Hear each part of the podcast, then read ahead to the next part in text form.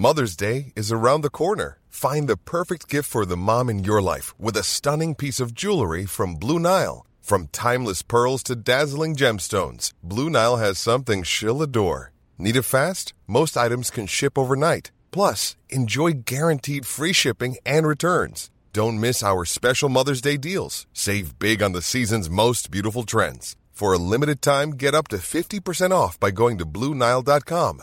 That's Bluenile.com. Even on a budget, quality is non-negotiable. That's why Quince is the place to score high-end essentials at 50 to 80% less than similar brands. Get your hands on buttery soft cashmere sweaters from just 60 bucks, Italian leather jackets, and so much more. And the best part about Quince, they exclusively partner with factories committed to safe, ethical, and responsible manufacturing. Elevate your style without the elevated price tag with Quince. Go to quince.com slash upgrade for free shipping and 365-day returns. Cool fact a crocodile can't stick out its tongue. Also, you can get health insurance for a month or just under a year in some states. United Healthcare short term insurance plans, underwritten by Golden Rule Insurance Company, offer flexible, budget friendly coverage for you. Learn more at uh1.com. Palmemordet. Lyssnarna spekulerar. Sveriges statsminister Olof Palme är död. 90 000. Ja, det är mord på Sveavägen. Hörde de säger att det är Palme som är skjuten. Mordvapnet med säkerhet är en Smith Wesson, en revolver kaliber .357. Inte ett svar. Det finns inte ett svar. För jag har inget och jag har inte varit Varför skulle jag Polisen söker en man i 35 till 40-årsåldern med mörkt hår och lång mörk rock. Välkomna till podden Palmemordet som idag görs av mig, Tobias Henriksson och av Dan Hörning som sitter här. Eh, jo Tobias, jag tyckte vi skulle göra det här avsnittet tillsammans för jag har fått tag på ett nytt förhör med Viktor Gunnarsson. Så har du 16 timmar över? Ja men absolut. Jag, eh... jag skojar bara. Nej, men Dan, för, för, förklara vad vi, var, varför, varför sitter vi här nu? Vid varsin mick i varsin stad och försöker få ihop, eh, vad, vad är det vi, vi ska ägna dagen åt? Vi går ju i väntans tider. Vi vet ju att åklagare Christer Petersson ska leverera lösningen på Palmemordet. Precis så. Innan halvårsskiftet. Ja, så att det börjar brinna i knutarna nu helt enkelt. Ja, och det gör ju den här podden lite svår att planera. Och frågan är ju då, den enda frågan vi tänker på är vad kommer Christer Petersson säga? Så därför riktar vi den frågan till alla sponsorer på Patreon för den här podden. Det stämmer bra. Vi har fått in en hel del eh, spekulationer, svar, eh, påståenden och liknande. Så att eh, jättetack till alla er som har hjälpt oss med det här avsnittet helt enkelt. Min grundtanke var ju lite att du och jag skulle sitta och spekulera om vad Christer Petersson kommer säga. Men det är mycket roligare om ni är med och spekulerar. Absolut. Och som sagt, det är en, en, har varit en flitig diskussion på Patreon här så att eh, jag tror att vi kan få in både, eh, ja, eventuellt inom mina spekulationer, men framför allt vad ni tror, för att vi gör ju den här podden för er som lyssnar. Och det ska bli väldigt intressant att höra vad ni tänker om det här. Och stort tack också till alla som är kvar på Patreon, för jag tror att några har gett upp nu faktiskt och tycker att så här, men nu är det löst, nu, nu slutar vi. Ja, det, det kan ju mycket väl vara så, men det är ju på ett sätt kan jag tycka att det är lite feltänkt för att nu är vi ju verkligen på upploppet då och eh, finns det ett, eh, ett, ja, fasta bevis för att det är en viss person så kommer vi ha, ha att göra med att eh, berätta och förklara den här situationen eh, som kommer uppstå. Vi kommer också ha massa av intervjuer och liknande, både med de som tycker likadant och med meningsmotståndare då, oavsett eh, vilken, ja, om vi kallar det spår man har fastnat för och sådär. Så att eh, jag tror nog att vi kommer att kunna hålla eh, fanan högt och intresset uppe ganska eh, lång tid till. Det tror jag också och eh, är lösningen en lösning som alla accepterar, då poddar vi om den och sen kanske vi poddar om historiska aspekter av fallet. Men är lösningen inte en som ni alla accepterar, då då kommer vi fortsätta att presentera de spåren vi har kvar. Ja, för det är ju det. Vad är det som kommer att presenteras? Vad kommer att läggas fram? Som vi sa, eh, all form av teknisk bevisning eh, styrker ju, eller stärker ska jag säga, fallet något alldeles oerhört ju. Exempelvis vapen. eh, och liknande ju. Men det kommer vi ju in på i avsnittet här när vi eh, spekulerar lite och berättar om era synpunkter. Och innan vi gör det finns en annan liten sak jag vill prata om. Och det är ju tv-serien We Got This. Just det! I Palmevandringsavsnittet 2018 så var Skiff med. Alltså han som har skrivit serien We Got This för SVT och han som spelar huvudrollen. Samma person. Det stämmer bra det. Då var han med bara som, eh, för att eh, det var jag som gjorde intervjuerna där och för mig var ju han intressant för att han Dels har han ju ett ganska karaktäristiskt utseende med, med sin hatt och, och skägg och den här biten. Och så pratade han ju eh, eng, engelska då med amerikansk accent. Så jag tänkte att det är kul att få en aspekt på eh, en person som förmodligen är från USA då, vilket han visar sig vara, vad han tycker om det här fallet. Så att sen 2018 har vi haft koll på honom och du har säkert haft koll på honom ännu längre. Ja, innan den Palmevandringen så pratade han med mig och berättade bara jag ska göra en jättestor tv-serie, det ska vara en mörk komedi om Palmemordet. Jaha, så här, hur ska det här gå till? Den här killen verkar inte helt realistisk. Men han gjorde det, han genomförde det. Och eh, jag fick också det stora nöjet att sitta ner i, eh, ja det var närmare två timmar som det sen blev nedklippt till ett avsnitt på runt timmen då. Och prata om den här serien, We Got This. Och det kan ni ju höra tidigare i podden. Och det har ju slagit igenom stort vad jag förstår. Det har varit riktigt bra siffror som jag har sett i alla fall. Ja, vi spelar in det här den 22 maj och då har precis avsnitt 5 släppts på SVT Play. Det kommer den 31 maj på SVT 1. Och det avsnittet är jag med i! 5.57 in i avsnitt 5 så har jag mina två repliker och mina 25-ish sekunder of fame. Jag tänkte ju faktiskt att jag skulle fråga om det var någon som kanske dök upp i avsnitt 5 som vi kände lite speciellt, men det, det behövde jag uppenbarligen inte göra. Det här spelar vi in i september. Eh, så jag har, jag har en kort scen med Hasse Aro då där han, jag är efterlyst och han frågar mig vad det här betyder då. Jag känner att jag nog hade svarat sådär om, om det där verkligen hade hänt. Du spelar dig själv helt enkelt? Jag spelar en Palme-expert. Ja, du spelar dig själv. Jag funderade på vad rollen skulle heta faktiskt. Men jag fick inte välja så att jag blev Palme-expert. Jag har ju faktiskt inte superbra koll på just Palme utan mer på mordet av honom. Ja, ja precis. Eh, det, det, var inte så att de bara råkade, eller att du bara råkade nämna podden i de här sammanhangen då? Eh, det kan jag ha gjort. Vi har ju två andra vänner till podden som eh, också hade små, små roller i serien. Det var ju Thomas Jutanäve och eh, Lars Jeppsson. Lars Jeppsson var med ja, i något av de tidigare avsnitten har jag för mig va? Vid, vid toppen av trappan till och med. Ja, det stämmer tillsammans med Olle Saris eh, karaktär om jag inte minns fel. Det såg misstänkt ut som en Palmevandring hela den scenen. ja, det gjorde faktiskt det. Förutom att vi inte hakar på eh, vi hakade inte på Lars Jeppsson någon sån där headset eller vad han fick. Han fick någon mygga eller headset och säger Ja men berätta nu, berätta om den där skumma polisbilen eller vad det nu var utan eh, nej. Vi, vi kanske har försökt. Ja, vi kanske har försökt få honom att, eh, ska vi säga, delta lite mer i de delarna där han var, eh, där han spelade en väsentlig roll, absolut. En, eh, eh, Lars Jeppsson är en, en, en relativt försynt man skulle jag vilja säga. Eh, han har inga problem att prata om det som hände men kanske inte lika sugen på att stå inför ja, mellan 60 och 90 personer och, och, och berätta då på, på, dessutom på offentlig plats. Det kan man ju förstå. Det kan man göra, absolut. Okej, då kör vi igång. Det gör vi. Vi har alltså en tråd på Patreon här där ni fick fylla i vad ni trodde. Frågan vi ställde var följande. Vi sitter alla på nålar nu när Christer Peterssons stora avslöjande snart kommer. Vi funderar på om ett avsnitt helt ska handla om just det. Därför vill vi gärna ha era funderingar. Vad tror ni KP kommer att säga? Vad tror ni kommer att hända? Kommer ni att köpa hans lösning? Kommer Palmemordscommunityn att köpa hans lösning? Och hur vill ni att podden Palmemordet ska hantera framtiden? Beroende på allt ovan. Vi eh, börjar väl från eh, början här då. Där vi har eh, användaren Per som säger så här. Gissa lite. Det blir en lösning baserad på Skandiamannen som indiciebaserad. Den kommer inte vara bättre än att podden kan fortsätta i princip som vanligt med olika spår och intervjuer. Och då kommer ett svar från Dennis som säger att topsa Engströms släkt tyder väl på att de har något med DNA att göra. Måste ha hittat något med vapen att göra, annars kan det inte gå. Och det är intressant, det har ju skett topsningar av Skandiamannens släkt enligt uppgift. Det ska det ha gjort och eh, mm, det senaste jag läste var att det hade kommit in till, om det var NFC eller Rättsmedicinalverket, det var NFC misstänker jag.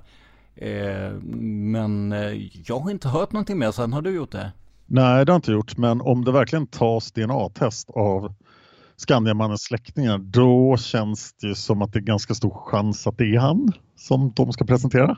Ja, alltså när jag tittade på vår egen Facebook-sida, facebook.com palmemordet, så fanns det ju två läger där kan man säga. Ett läger som tänkte att givetvis är det eh, Stig E eller då Skandiamannen som kommer presenteras. Men det fanns också en falang som tänkte att man topsade släktingar till honom för att kunna avföra honom ur uh, utredningen. Jag vet inte hur, uh, hur vanligt det är så att säga att, att topsa för, för att avföra. Säg att man har ett okänt DNA som man, man vill åtminstone kunna avskriva honom.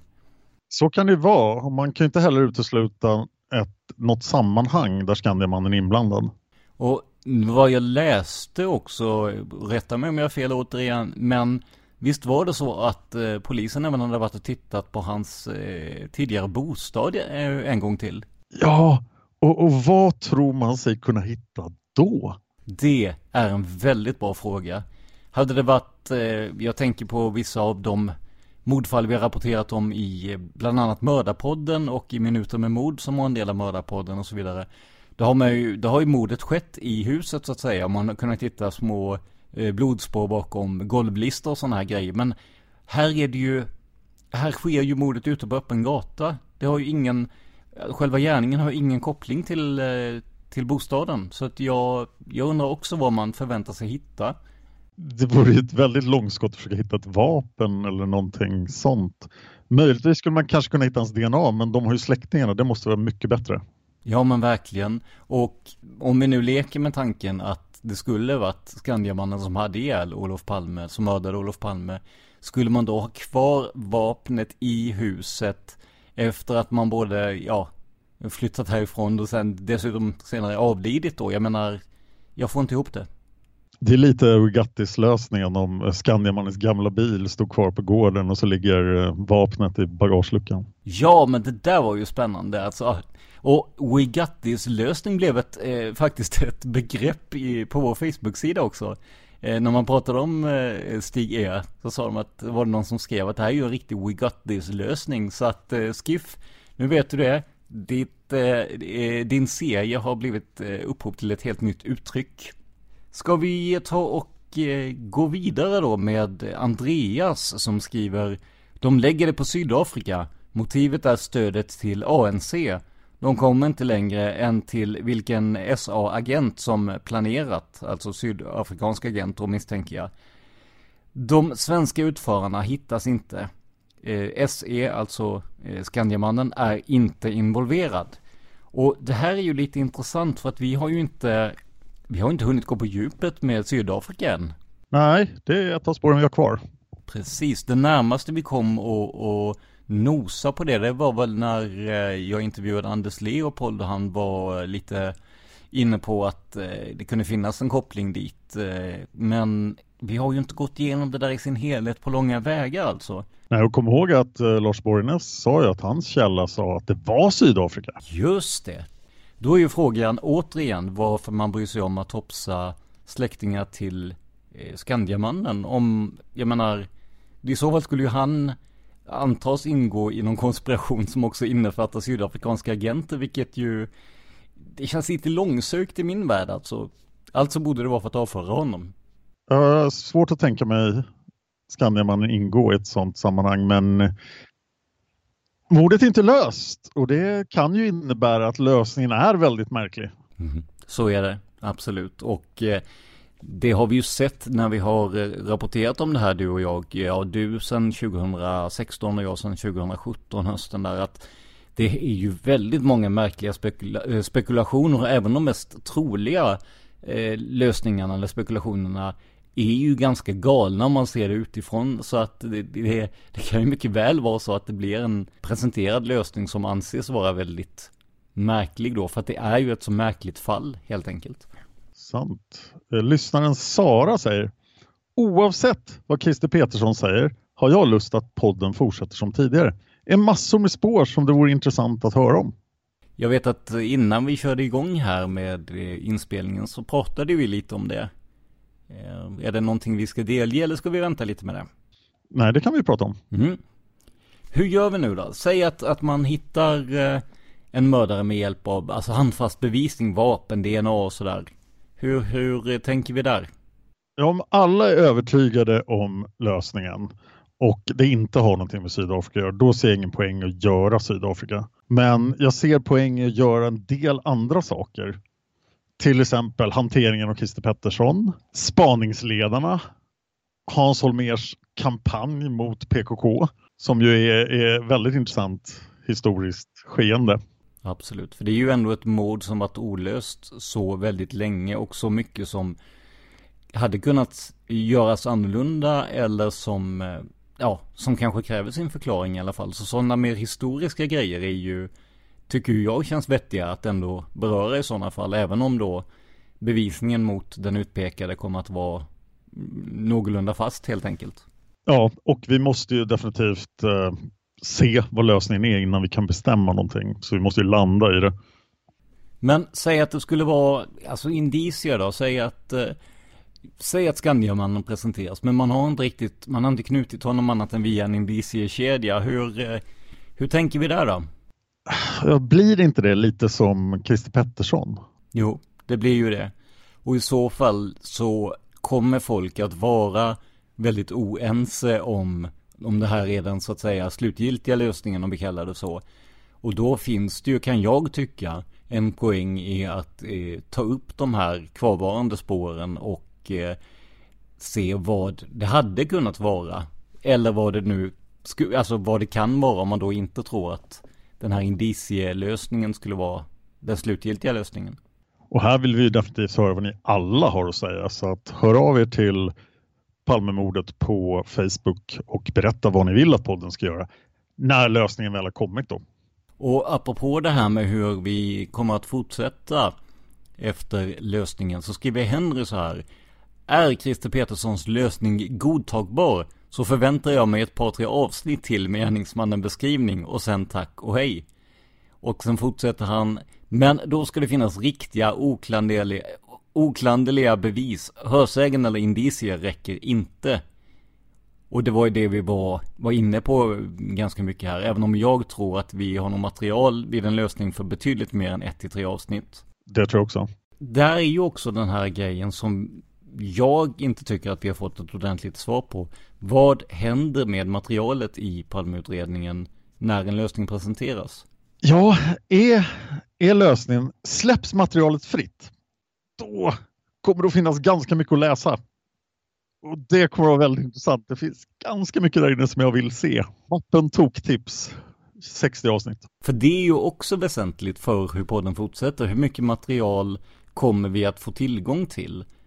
För att börjar det släppas lite mer på sekretessen och det kommer ut en del eh, ja, tips, eh, spår, spaningsuppslag så hade det ju nästan känts lite dumt att inte beröra dem i alla fall. Men eh, som sagt, det är ju ingenting som i alla fall jag i dagsläget vet hur det blir. Nej, det återstår verkligen att se. Nästa åsikt kommer från Lars-Göran som vi träffade på, på Palmevandringen i år. Det stämmer bra det. Precis innan covid-19 slog till. Nej, precis där i, i, i den vevan så började Sverige påverkas av den här pandemin då. Men vi hann göra en Palmevandring, vi var gott om folk och en av de som var där var Lars-Göran. Han säger 1. De kommer att peka ut Skandiamannen fast ändå inte helt säkert. 2. Skandiamannen är död, utredningen läggs ner och kommer säkert sekretessbeläggas av någon jävla anledning. 3. Det beror helt och hållet på hur mycket bevisning det verkligen har och lite hur många av Palmekännarna resonerar kring det hela. Det är svårt att bara köpa rätt av med tanke på hur turerna har gått genom åren. Men skulle liksom inte förvåna mig om man klantar till det så jävla mycket att det skulle visa sig i slutändan att det är personen som ansetts varande på platsen är skyldig. 4. De flesta kommer nog inte köpa det oavsett vad som sägs. Alla tror stenhårt på den teori man har och kommer ha svårt att köpa något annat. Och med det sagt, är väl de som får rätt och några till som inte är så bergsfasta på någon särskild teori som accepterar lösningen. 5. Först och främst prata klart om spåret som skulle visa sig vara lösningen. Försöka prata med så många av Palmekännarna ni kan om det och verkligen gå ner på djupet kring det. Efter det prata klart om övriga teorier för jag vill höra allt oavsett tror jag. Särskilt de spår som varit aktuella i utredningen. För det är viktigt att se hur utredningen har jobbat genom åren och hur man kanske missat ett spår eller förbisett det. För att sedan också prata om när folk haft rätt i sina teorier och hur länge de florerat. Sen beroende på hur mycket som släpps kring utredningen så anser jag att det bara är att fortsätta. För att jag tror att det kommer att vara vikt ur ett historiskt perspektiv.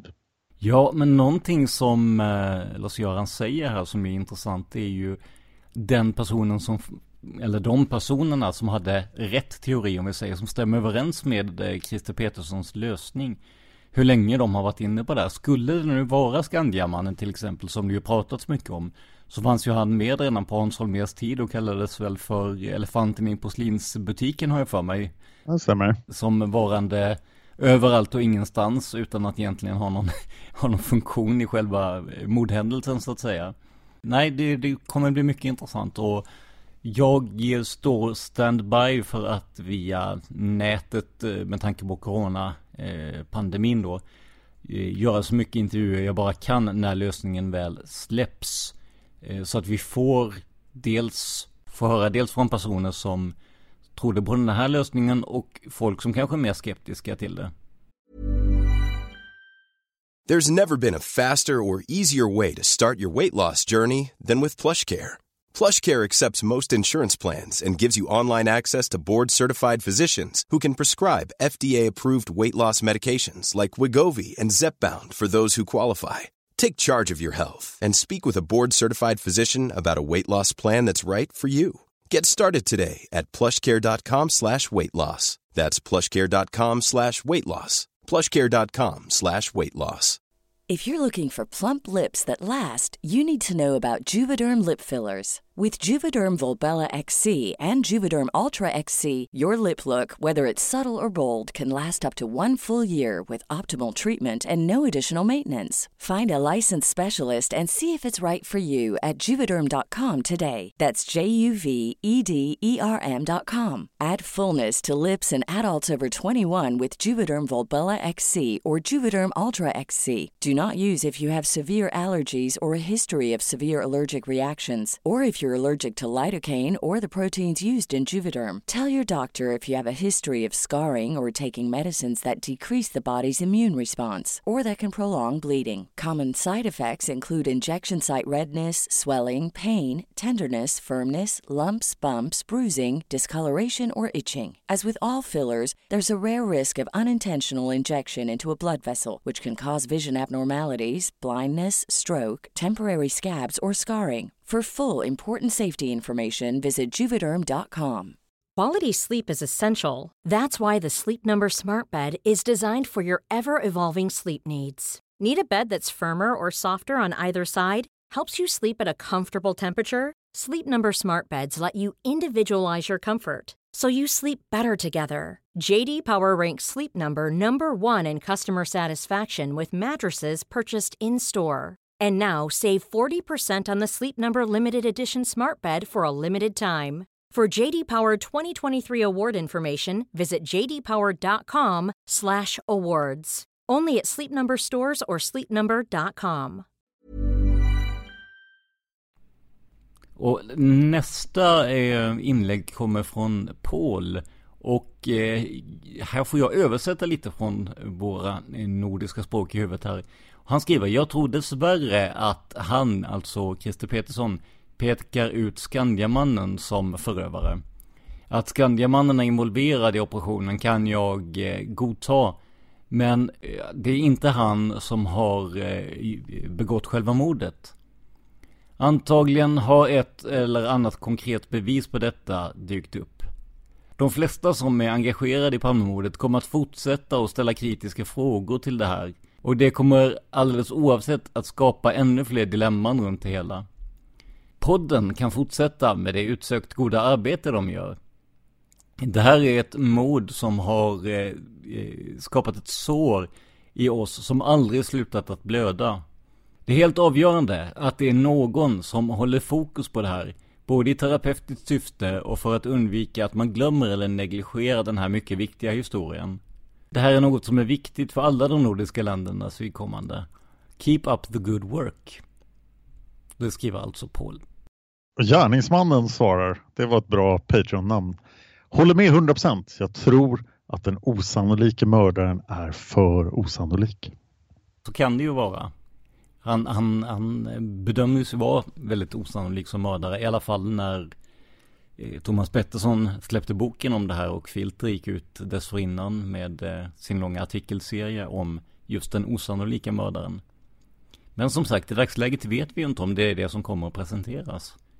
Men eh, för att återgå till vad Paul skriver så jag är ju helt inställd på det, det han skriver här att det kommer att ställas kritiska frågor även fortsättningsvis i Palme-sammanhang då så att säga.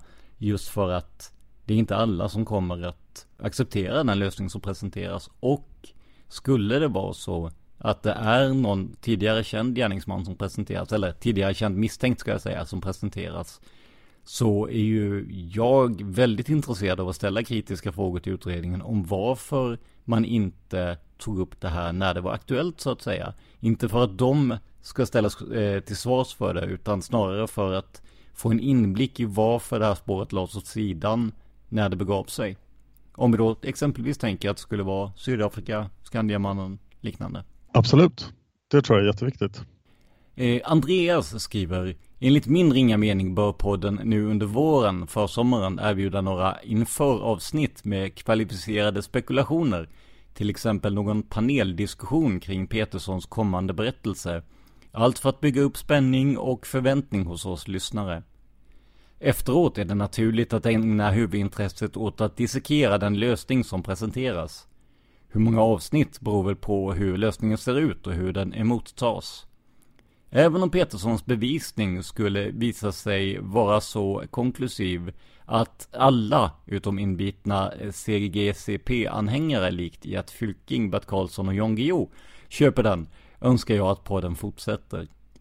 Det ovan parentetiskt nämnda, ur rätts och brottshistoriskt perspektiv högst relevanta, villospåret, ställt som fråga, Christer Pettersson, förtjänar till exempel en betydligt mer ingående granskning. Och då sa jag att vi, vi ställde just den frågan inför ett spekuleringsavsnitt och paneler var svåra att genomföra över Skype. Eh, det är lätt att avbryta varandra och få en massa ljudproblem som vi hade i tidigare avsnitt. Så vi väntar med paneler till efter pandemin. Så att det här är pandemilösningen på en panel, att alla får komma till tal så här. Andreas eh, fortsätter konversationen här och skriver Okej, ni har säkert rätt i att paneler kan vara svåra att genomföra i dessa tider. Även om jag själv som verksam inom undervisningsbranschen både anordnat och deltagit i ett stort antal lyckade gruppdiskussioner online under denna vår. Och från en sak till en annan, ursäkta sidospåret, men när jag nu en gång är i farten. Har flera gånger tänkt att det vore kul att någon gång ta del av en intervju med Jan Bondesson. Hans Blood on the Snow är förvisso författad på engelska, men erbjuder enligt mig den kanske bästa introduktionen till Palmemordet. Den är dessutom ställvis rätt rolig. Tänker att det kanske kunde vara intressant att ta del av hans tankar i något skede på samma sätt som vi fått, eh, fått och får lyssna till synpunkter från Wall, Borgnäs, Putiainen med flera. Men ni kanske redan har tänkt tanken och avfärdat Bondesson som inaktuell, ointressant eller omöjlig, ovillig. I så fall, fine. Tack ändå för en alldeles utmärkt podd. Och där kan jag säga att jag har fått tag på boken Blood on the Snow. Jag har inte hunnit eh, läsa igenom den för att det är en hel del annat som händer i livet också. Eh, jag har personligen inte avfärdat tanken på att försöka få till en intervju med Jan Bondesson. Däremot så vill jag givetvis läsa igenom boken ordentligt först och eh, se vilken så att säga inriktning på intervjun det kan bli. Jag läste boken 2016 när jag försökte läsa alla Palmeböcker där när podden började. Och ja, det är inget fel på den. Jag tyckte att det var en bra bok. Eh, som jag säger där att eh, lyckade gruppdiskussioner är en sak, men lyckade gruppdiskussioner som dessutom blir korrekt inspelade är en annan sak. Ja, och sändningsbara. Ja, min personliga inställning till just paneler är nu gör vi dem i en studio med en ljudtekniker som vi gjorde med avsnitt 200 då blir det rätt och vi vet att vi faktiskt har något ljud att publicera. Så att jag har varit med om alldeles mycket poddolyckor där jag är ansvarig för ljudet. Så att... Nå, då ska ni ju veta att har ni klagomål på ljudet så är det jag som står för så att säga själva inspelningstekniken idag så att eh, då får ni klaga till mig i så fall. Eh, Dan är faktiskt oskyldig i det här sammanhanget. så att, eh... Ja, eller så är jag skyldig för att jag har flytt ansvaret för ljudet. så kan man ju också se det. Men som sagt, spekulationsavsnitt som Andreas var inne på, det är ju det vi, vi kör idag och vi kommer följa upp det här oavsett vad lösningen blir så kommer vi följa upp det nogsamt skulle jag vilja säga. Tidigare nämnde Thomas Jutarnäve svarade också här och sa kan det finnas en koppling mellan VG, KP, Stay Behind och Sydafrika? Menar han Christer Petersson med KP? Oj, det, är, det var en bra fråga. Om vi säger så här, i vanliga fall, VG Viktor Gunnarsson, som ni känner till. KP brukar stå för Christer Petersson. Eh, jag kan ju inte tro att han har, eh, att han tänker på Christer Pettersson, med tanke på att det skulle stå CP i så fall. Förmodligen hade inte Stay Behind och Sydafrika varit så intresserade av Christer Pettersson som medhjälpare. Nej, men precis. Eh, säg så här. När jag pratade med Anders Leopold så var ju han inne på en koppling mellan Viktor Gunnarsson och Sydafrika i alla fall. Eh, som när jag satt med Anders Leopold som är väldigt bra berättare också. Så känns det väl inte som att det skulle vara helt otroligt att det kan finnas sammanlänkningar där. Eh, eller att man åtminstone kan så att säga spinna ett scenario där de, både Viktor Gunnarsson och Sydafrika kan, eh, kan ingå så att säga. Sen huruvida det stämmer eh, eller inte, det, det det är ju inte vår sak att ta ställning till och eh, jag har ingen bestämd uppfattning där. Det är väl inte jättesvårt att få in Stay Behind i det sammanhanget också? Nej, det är sant. Men Christer Petersson har jag svårt att få in i det sammanhanget. Jag försöker komma på om det är någon på KP vi har missat. Det är ju... Nu är vi säkert jättekorkade och så finns det något uppenbart KP som alla kommer att skrika åt oss när de hör avsnittet. Kari Puttiainen. Nej, det tror jag inte. Vi går vidare.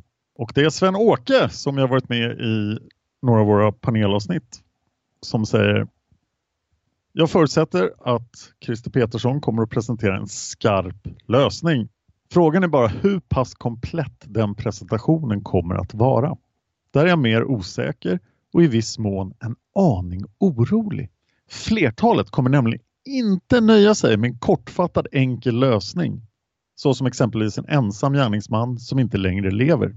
Detta oavsett om det finns stark teknisk bevisning som binder honom till gärningen. Särskilt med tanke på att många idag tror på underliggande faktorer till attentatet. Oavsett om KP presenterar en mer komplett lösning som tillfredsställer de flesta eller inte så finns det mycket som behöver få en förklaring och redas ut. Då tänker jag exempelvis på alla uppenbara misstag, rena felaktigheter som strider mot gängse regler samt lögner som har avslöjats genom åren. Har det dessutom varit eller fortsatt kommer att vara någon sorts mörkläggning som många tycks vara mer eller mindre övertygade om så måste arbetet fortskrida för att skapa klarhet och något ansvar utkrävas. Precis som det görs i fall som Kennedy och Hammarskjöld. Mörkläggning är i sig ett för samhället allvarligt brott som bara måste klaras upp. Hur lång tid det än må ta. Här kan denna podd spela en viktig roll liksom andra seriösa krafter och grupper. Sammanfattningsvis så finns det således en hel del som talar för att utredningsarbetet kommer att fortskrida i någon slags omfattning så långt ögat kan nå oavsett vad för lösning KP än presenterar. Och jag har en sista synpunkt här. Från Tobias, inte från dig utan från Tobias J. Det är spännande tider vi lever i, särskilt om man är intresserad av Palmemordet. Åklagaren Christer Petersson har lovat att presentera någon slags lösning eller åtal innan sommaren eller halvårsskiftet och det borde kunna vara när som helst. Eftersom det här har varit ett stort men långt ifrån det enda intresset för mig de senaste åren så vill jag ta chansen att förutspå vilken lösning som kommer att presenteras. Och om jag har fel så tycker jag ändå att dessa ting kan vara intressanta att ha i bakhuvudet. Här kommer en något förenklad version som kunde göras mycket längre och mer komplex. Åtta dagar innan mordet lämnade person A in en kryptisk varning till regeringskansliet. Det här tar vi upp i Svensk extremhöger del 1. Varningen var en gammal artikel om Olof Palmes farbrors död, som också hette Olof. Rubriken på artikeln var Doktor Olof Palme död. Titeln doktor ska ha varit överstruken. A var inte vilken galning som helst. Han var engagerad och drivande i mängd olika föreningar slash organisationer som alla kretsade kring antikommunistiska frågor. När A blev konfronterad av media angående sin varning nämnde han att han hade hört rykten från en vän om att möjligen någon inom Säpo var inblandad. Kort tid efter sitt uttalande tog han tillbaka allting och sa att det var en dåraktig sak som han hade fått för sig. Både A och hans vän dog i tidig ålder 3-4 år efter Palmemordet. I ett flertal av de organisationer som A var medlem i så var även en person vi kan kalla B medlem. A och B kände med all sannolikhet varandra under en lång tid och umgicks i samma kretsar. B ska tidigt i livet ha jobbat inom svenska underrättelsetjänsten men började senare jobba för bland annat den sydafrikanska underrättelsetjänsten. B förekom i stort sett inte alls i Palmemordsteorier förrän 1996 när Sydafrika genomförde sin sanningskommission där verksamma inom apartheidregimen fick berätta vilka brott de hade utfört i utbyte mot att de inte blev straffade. I ett av förhören pekade en sydafrikansk agent ut en annan sydafrikansk agent och B som ansvariga för mordet på Olof Palme. B förnekade givetvis inblandning men han har däremot haft den utpekade sydafrikanska agenten som chef som vi kan kalla för C. C förnekar också utpekandet men fanns med i Palmeutredningen som ett hett spår redan 1987. Av okänd anledning verkade det spåret läggas på hyllan när allt fokus istället lades på Christer Pettersson. B är vid liv än idag har sedan hösten 1985 bott på norra Cypern som saknar utlänningsavtal med Sverige. Det är alltså den person vi har kallat för löjtnant Bertil i podden. Även C är vid liv och lever ett gott liv idag. C vistas ofta i Sverige och jobbade med svenskar, bland annat inom den internationella biståndsorganisationen IEUF, som skänkte stora summor till ANC. C låtsades vara en motståndare till apartheid men var i själva verket en av regimens främsta hantlangare och infiltrerade skickligt biståndsorganisationen och såg till att pengar hamnade hos den sydafrikanska säkerhetstjänsten istället.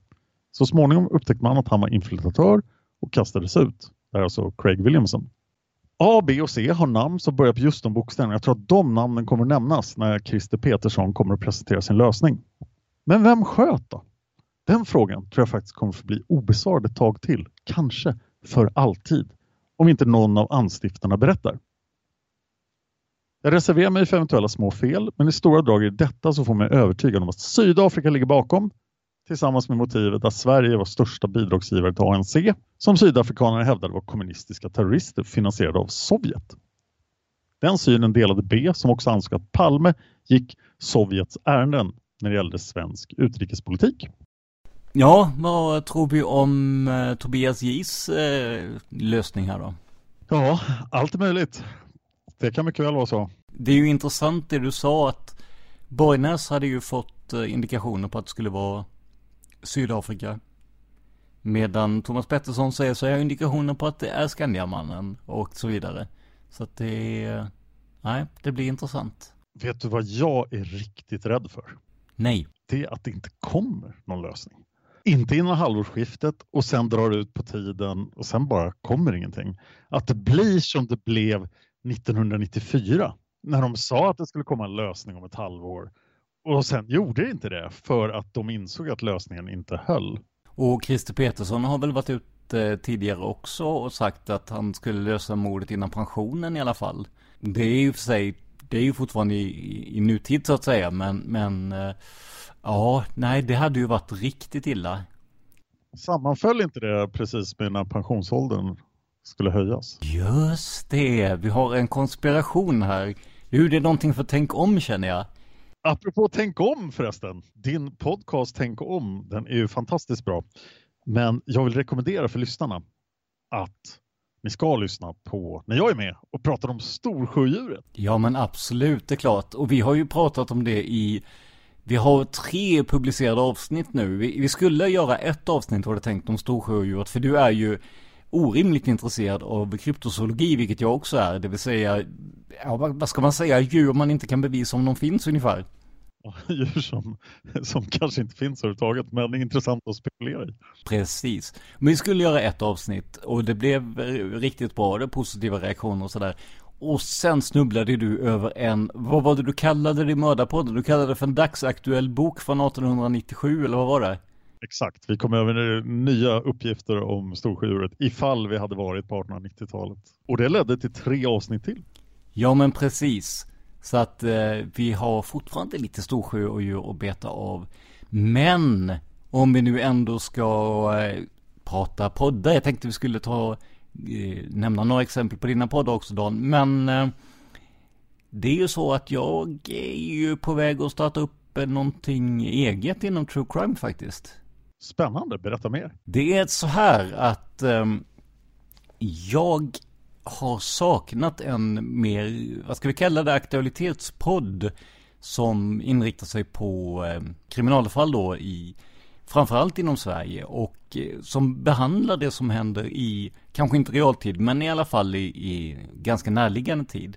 Så jag ehm, slängde ut en krok till, ja, till dig också Dan givetvis, men till Acast också och eh, frågade om de möjligen skulle vara intresserade av en slags, jag, jag presenterade väl ungefär som ett veckans brott i poddformat, vilket de var jätteintresserade av.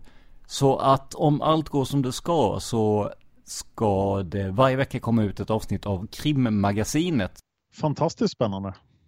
Och jag vet att vi, vi har ju pratat lite Dan om det här och, och poddavsnitt ska ju hålla längre än, än någonting som sänds ut en gång i radio och så vidare. Men ah, jag kände att det här var ju för spännande för att inte våga hoppa på alltså. Ja, men jag tror det är helt rätt för dig att göra, för du är ju en journalist. Du kan ju samla ut sån här information och presentera den och göra, den, göra färsk information bra. Jag, jag skulle hålla mig långt borta ifrån det. Och, och tanken är ju då att eh, den här podden ska spelas in i veckorna och sen släppas någon gång under helgen. Jag är fortfarande lite osäker på om det blir lördag eller söndag, men under helgen i alla fall. Så att man kan gå och lyssna och prata i trädgården eller vad man nu vill göra. Och få en liten uppdatering om det senaste som har hänt inom eh, true crime och eh, inom eh, ja, brottets värld om vi säger så i Sverige och även utomlands. Och jag vet ju redan nu att jag förmodligen kommer att försöka näsla mig in i podden och vara gäst någon gång. Du har redan fått frågan om du skulle kunna tänka dig att vara eh, gäst för att kommer det en lösning på Palmemordet så kommer ju det att spilla över på i stort sett samtliga poddar vi gör ju så att eh, det, du är så välkommen. Tack för det. Jag vill nämna en podd som jag har startat. Jag har startat ganska många poddar nu i coronatiden när man ändå måste sitta isolerad i studion. Och jag skapar en podd som heter Olösta mord. För lyssnarna av Seriemördarpodden, Massmördarpodden, Seriemördarpodden Premium, Mördarpodden, de har alltid sagt, det har alltid funnits en majoritet för lösta fall. Men jag älskar olösta fall. Så då tänkte jag, okej, okay, jag gör en podd där jag kan få utlopp för min fascination för olösta fall. Så i Olösta mord, som ni hittar där ni hittar den här podden, men inte på Apple än, inte på Podcaster, inte på iTunes. Där är bara allting är olöst. Det finns inga svar. Det finns bara spekulationer. Det är försvinnanden och olösta mord. Och alltså, när vi sitter här och pratar så eh, gjorde ju du och jag ett avsnitt av Mördarpodden när Josefin hade eh, lite annat för sig. Började eh, ta det lite lugnt ett tag här helt enkelt. Och märkte du att vi kuppade in ett olöst mord då? vi gjorde ju två olika fall, båda var olösta. Ja, båda är olösta, precis. Men som sagt, olösta mord med Dan Hörning, det, alltså, det kan ju inte bli bättre alltså. Då kommer ni ju få de morden som är både, både lösta och olösta misstänker jag i, i Mördarpodden och sen bara olösta, de här fallen man kan spekulera om i all evighet i eh, olösta mord. Yes, så olösta mord. Lyssna nu. Det intressanta är ju att det har ju en koppling till Palmemordet för att när vi sitter här idag så är ju Palmemordet fortfarande ett olöst mord helt enkelt.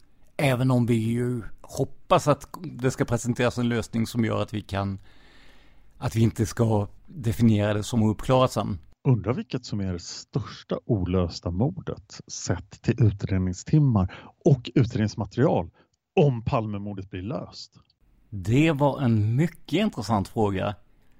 Det vill vi ha era synpunkter på. Ja, det låter ju som att det skulle kunna bli ett uppslag olösta mord. Ja, det låter som att det kan bli ganska många avsnitt. Jag har försökt hålla, jag experimenterar nu med att göra lite kortare poddavsnitt. Eh, så att de är lite kortare olösta mord för att se. Jag har hört många som har sagt att så här, korta avsnitt vore bra. Ingen Palmemordet-lyssnare tror jag har sagt det.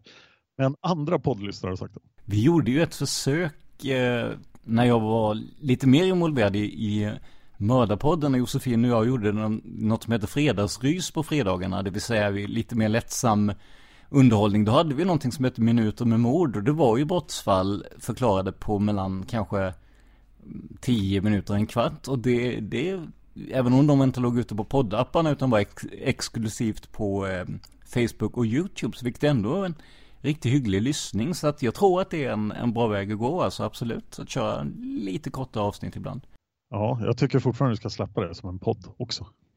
Ja, den dagen du ser till att eh, dygnet har 36 timmar så absolut, då kommer det. Fast i och för sig, Minuter med mod är ju färdiginspelade avsnitt ju, så att det, eh, mm. Jag har släppt dem varannan vecka, då har du material redan till ett år. De finns på Mördarpoddens YouTube-kanal om de vill lyssna på dem nu. Precis, så är det.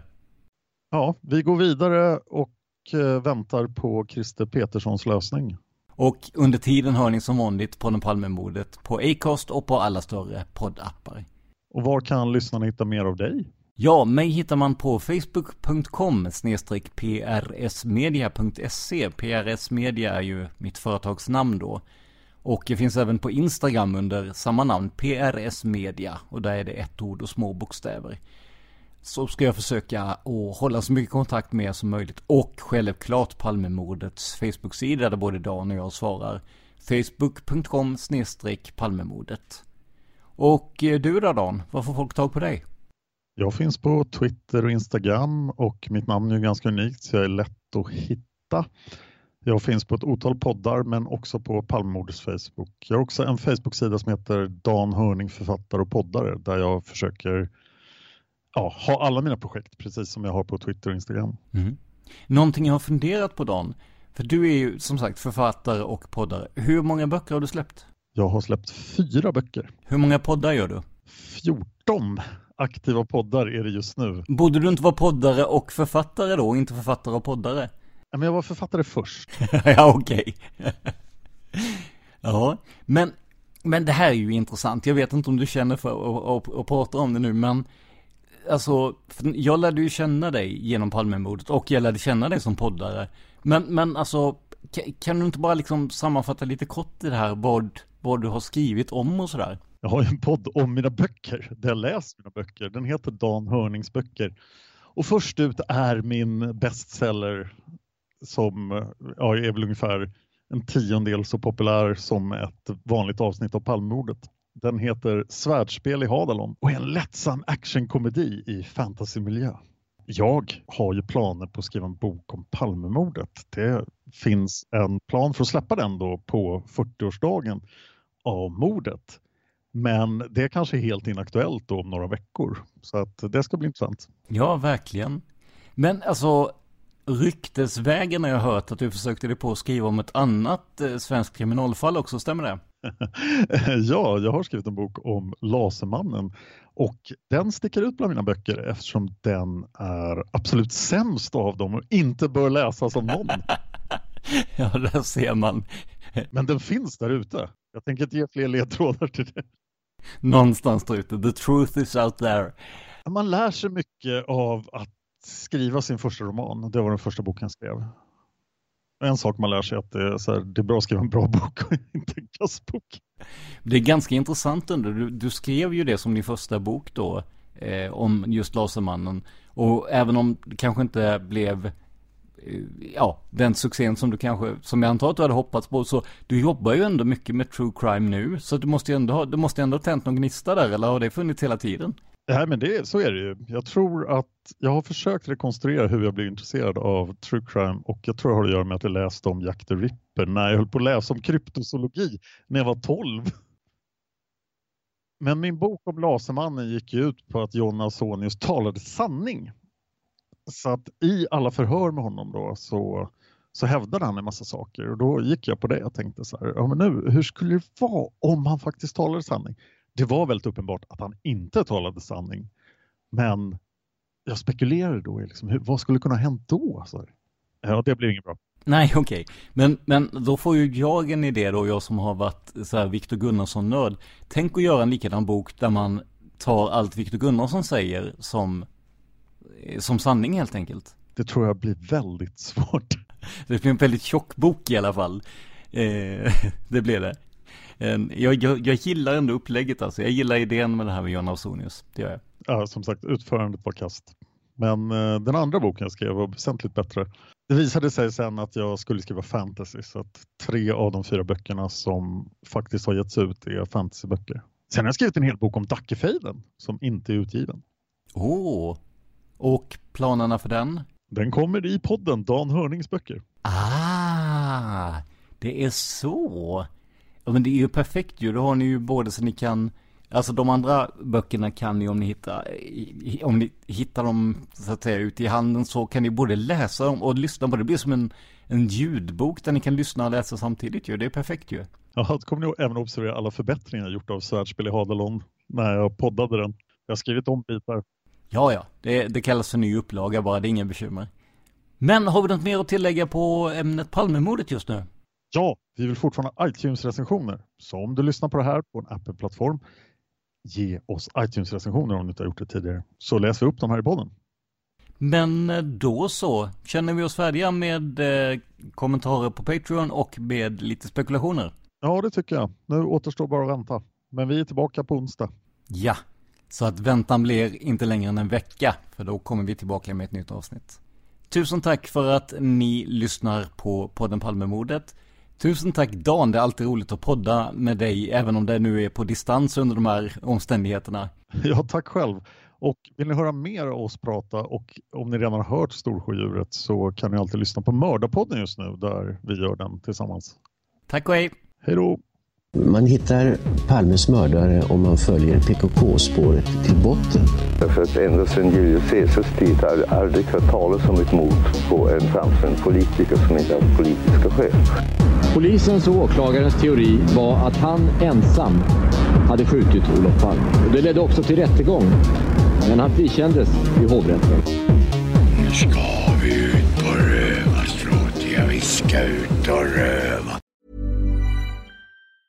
Hey, it's Danny Pellegrino from Everything Iconic. Ready to upgrade your style game without blowing your budget? Check out Quince. They've got all the good stuff, shirts and polos, activewear and fine leather goods, all at 50 to 80% less than other high-end brands. And the best part? They're all about safe, ethical and responsible manufacturing. Get that luxury vibe without the luxury price tag. Hit up quince.com slash upgrade for free shipping and 365-day returns on your next order. That's quince.com slash upgrade.